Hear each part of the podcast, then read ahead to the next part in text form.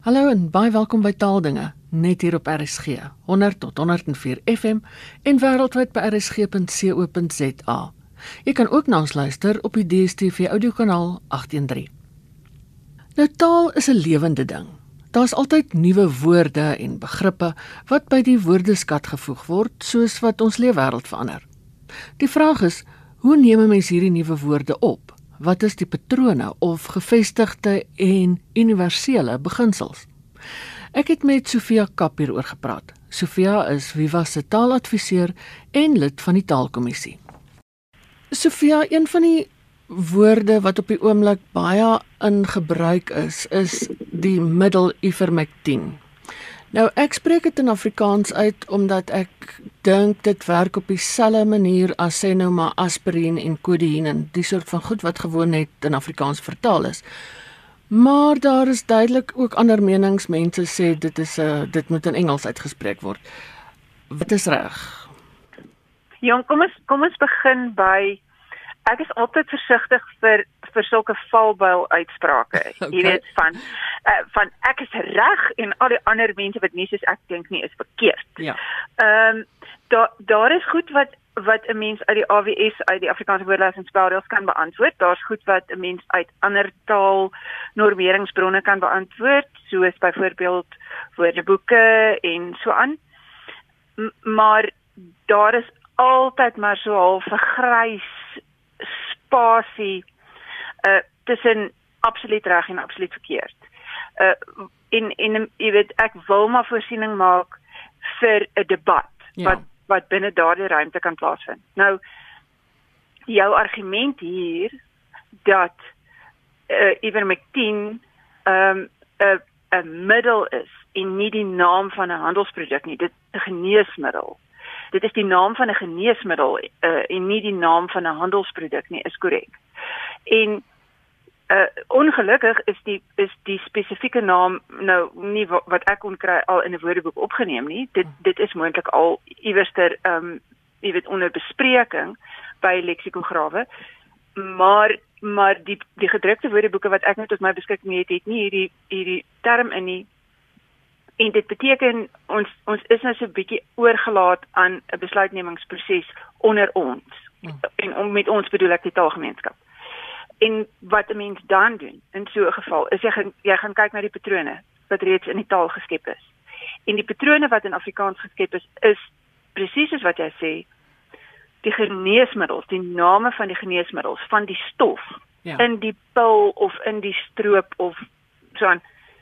Dit word daar vertaal uh maar die naam van die van die handelsproduk wat hierdie middel bevat word nie noodwendig vertaal nie of, of word eintlik glad nie vertaal nie. Ja. Maar wat ook wel gebeur is dat ons in Afrikaans as so 'n ding 'n huishoudelike naam word. Dan kry ons partykeer, jy weet, hy kry so half uh, word soos 'n broer of 'n suster en hy kry so 'n Afrikaanse uh klank aan sy naam. Soos soos die die middel wat ek nou hier in my huis aanhou vir as 'n mens hoofpyn het. Daai pilletjie met die met die die naam begin met 'n P.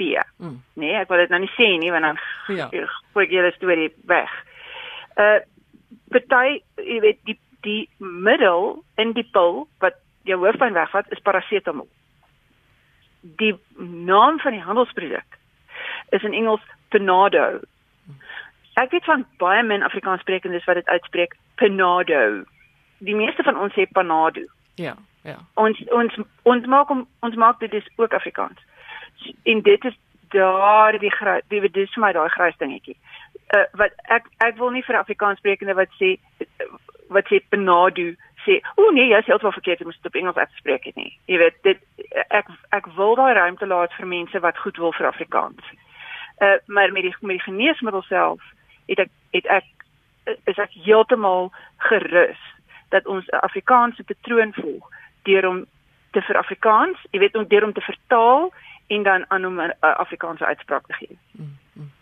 Nou die vertaling kwessie gaan strek oor meer as net geneesmiddels. Um hoekom het party plek name Afrikaanse vorm en watter het dit en watter het dit nie? Dit dit altyd as 'n mens nou 'n vuurhoutjie in 'n kruitvat wil gooi op sosiale media dan moet jy nou hierdie saak aanroer.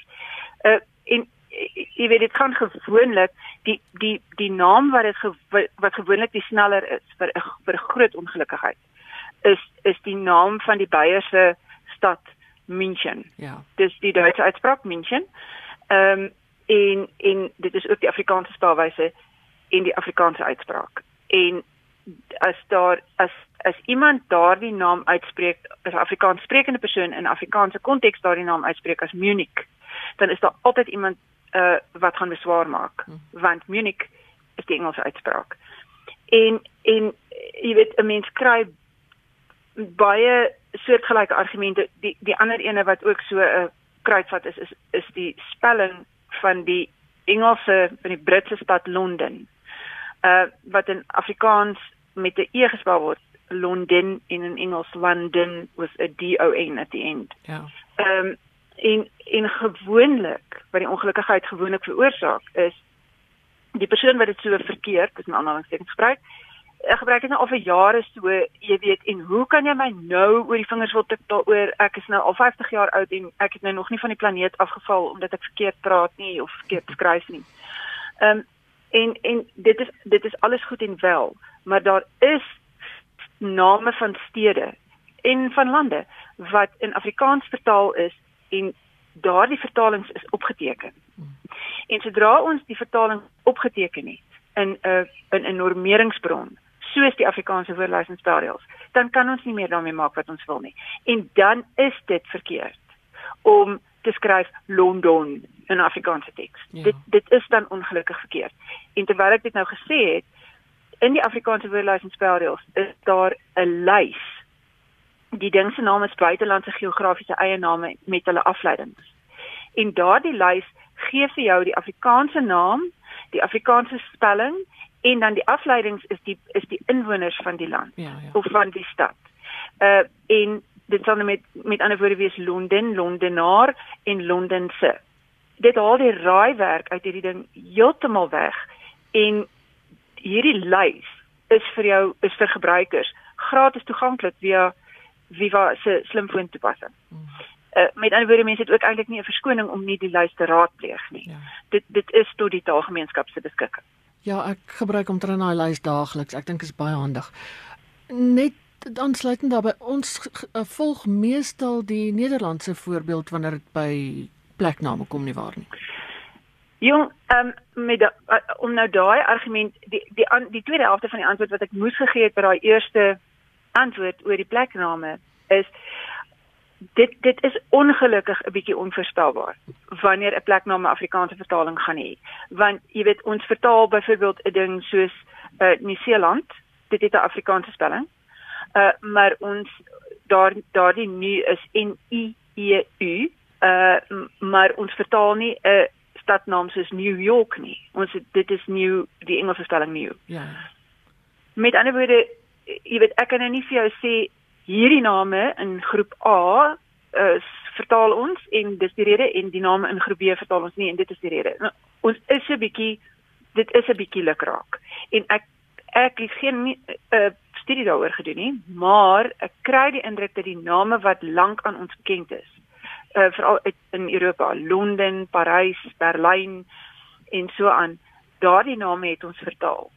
Maar dat die name wat meer onlangs in ons woordeskat ingekom het omdat die wêreld al hoe kleiner raak. Soos byvoorbeeld stede in in Australië en Nieu-Seeland en en in in ander wêrelddele daardie name vertaal ons nie so gereedlik nie. Daardie name se se oorspronklike spelwyse behou ons. Ja. Daar is 'n belangrike voetnoot hier waarvan 'n mens moet kennis neem en dit is gebruikers is baie keer ontevrede omdat ons in in Afrikaans byvoorbeeld verwys na na Sint Petersburg.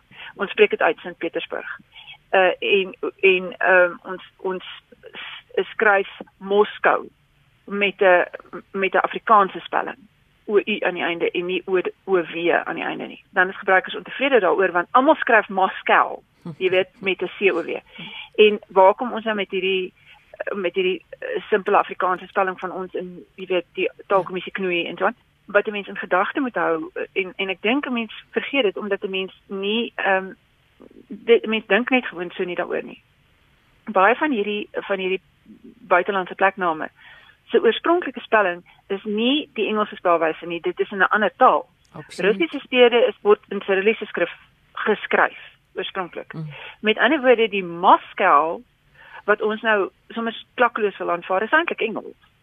En dit is reeds 'n transliterasie uit die Russies. Uh en hoekom dan nou nie vir Afrikaanse transliterasie maak nie. En dit geld natuurlik vir al die ander tale wat 'n ander skrifstelsel uh, as die Romeinse skrifstelsel gebruik. Die taal waarvoor dit uh, nie geld nie, is Mandaryns, want die Chinese regering het self die plekname in China in in Romeinse skrif vertaal. Mm -hmm. Juis om uh jy weet, standaard skryfwyse wêreldwyd te bewerkstellig.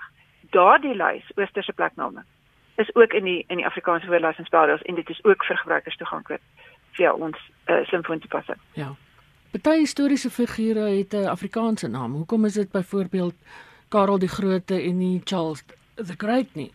Of Ivan die Verskriklike en nie Ivan the Terrible nie? Wat is die rede daarvoor?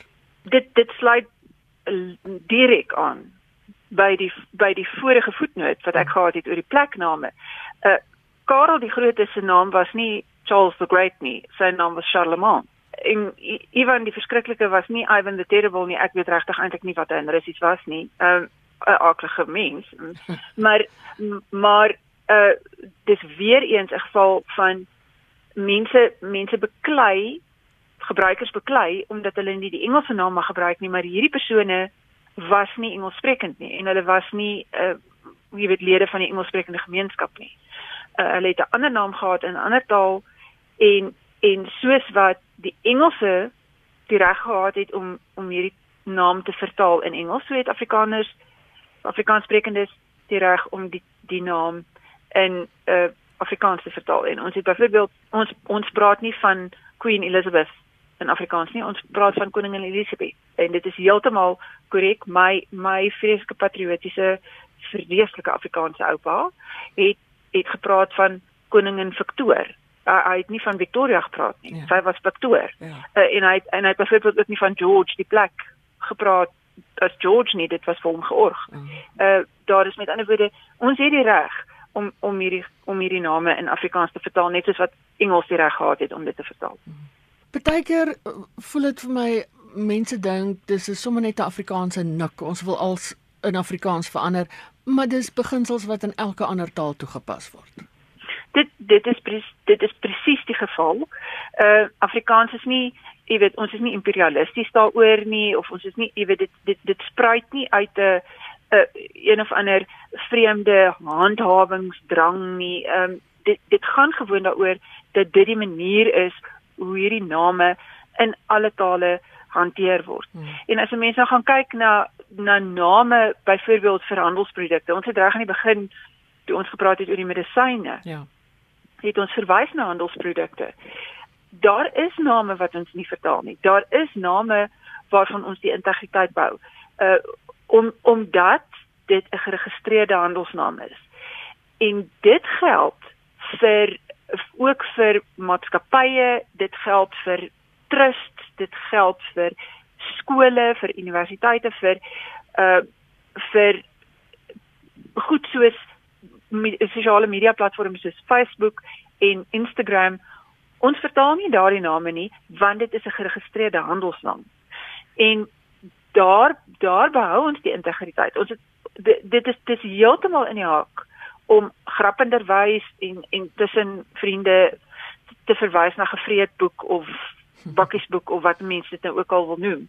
Maar in 'n formele teks waar 'n mens byvoorbeeld sal 'n uh, kommentaar lewer oor sê nou maar ek skryf akademiese artikel oor ehm um, 'n meningspeiling wat wat ons op op Facebook onderneem het. Dan gaan ek nie daar skryf Viva het 'n meningspeiling onderneem op Bakkiesboek nie, ja, op Bakkiesblad nie. 'n ja. Mens 'n mens behou die naam. Net soos wat 'n mens sê jy gaan checkers toe of jy uh jy weet vlieg met ehm um, Israel of of jy luister na die SAK wat ook al jy, jy behou die integriteit van die naam soos wat hy geregistreer is. En ek kry baie gebruikers wat vir my vra maar hoe weet ek? Jy weet hoe weet ek wat die geregistreerde handelsnaam is? Mm. Hierdie hierdie maatskappye is is geregistreer en die meeste van hierdie groot maatskappye het webblaaie. En en ek gaan maar altyd na hulle na hulle webblad toe, hulle eie webblad en gaan kyk hoe hulle dit op hulle webblad skryf. En dan gebruik ek daardie skryfwyse in in enige soort formele teks waarna ek dit gebruik. Nou, wat maak 'n mens as jy nou twyfel? Benewens nou die soos jy nou net gesê het, die webwerf vir maatskappy of organisasie se naam of so ietsie. Wat maak mense as jy twyfel oor vertaal of nie vertaal nie? Waar kry mense antwoorde oor hierdie goed? Kyk, ek het reeds genoem dat die Afrikaanse woordelys en spelreëls 'n mens werklik baie help. Ja. Ehm um, dit is dit dit is 'n onontbeerlike bron en as selfs al knyp geld jy het gratis toegang tot hierdie lyste via die slimfoon toepassing wat jy gratis kan aflaai. Dit is met ander woorde gratis tot jou beskikking en daar is dus geen eintlik meer verskoning om om plekname verkeerd te skryf nie. Ehm um, daar benewens het Faros, die die uitgewer Faros, ja. het 'n baie baie baie goeie tweetalige woordeboek. En daardie woordeboek is natuurlik in papierformaat beskikbaar, maar hy is ook beskikbaar op hulle op hulle aanlyn platform, Faros Online, uh saam met al hulle ander woordeboeke wat dit dit vorm 'n pakket. En as jy 'n ernstige taalwerker is, dan moet jy ook 'n uh, inteken op Faros Online. Dit is dit is onontbeerlik. En En dan natuurlik het jy het jy die internet tot jou beskikking. Dis nie soos vroeë jare wat mense in 'n stowwerige kantoor gesit het en en as jy met 'n vertaalkwessie te doen het, dan is jy aan jou eie genade oorgelewer nie. Daar is 'n internet. Ehm um, daar is 'n hele paar taalfora op op Facebook waar jy kan gaan navraag doen en dan is daar natuurlik Viva se adviesdiens waar jy vir my 'n navraag stuur en en as ek dit nie in een van my bronne kan opspoor nie, dan het ek 'n netwerk kollegas uh, by wie ek kan gaan aanklop en kan gaan vra luister het julle al met hierdie ding te doen gehad dis te baie van hulle joernaliste en hulle hulle moet uit die aard van hulle werk vertaal hmm. en dan kan ek vra wat is daar in omloop het, het julle al iets hiervoor hiervoor uitgedink die die finale antwoord hieroor is eintlik maar net moenie raai nie ehm um, en moenie net sommer terugval op die Engels wat jy toevallig gesien het op Wikipedia nie. Dit dit is dit is nie goed genoeg nie. As jy wil keurig skryf en as as dit vir jou as dit vir jou saak van erns is om jy weet om netjies te skryf. En as jy na hierdie program luister en neem ek aan dit is, doen se bietjie moeite. As as jy nie as jy nie bronne tot jou beskikking het nie, vra my want ek het bronne tot jou beskikking en ek help jou en dit is ook gratis. Dit was Sofia Kap, taaladviseur van Viva en lid van die Taalkommissie. En daarmee is dit tyd om te groet. Jy kan weer na die program luister op deernag donderdagoggend om 3uur of jy kan die potgooi aflaai by rsg.co.za. Geniet die res van die dag in RSG se geselskap. Bly veilig, bly gesond en van my Ina Strydom groete tot 'n volgende keer.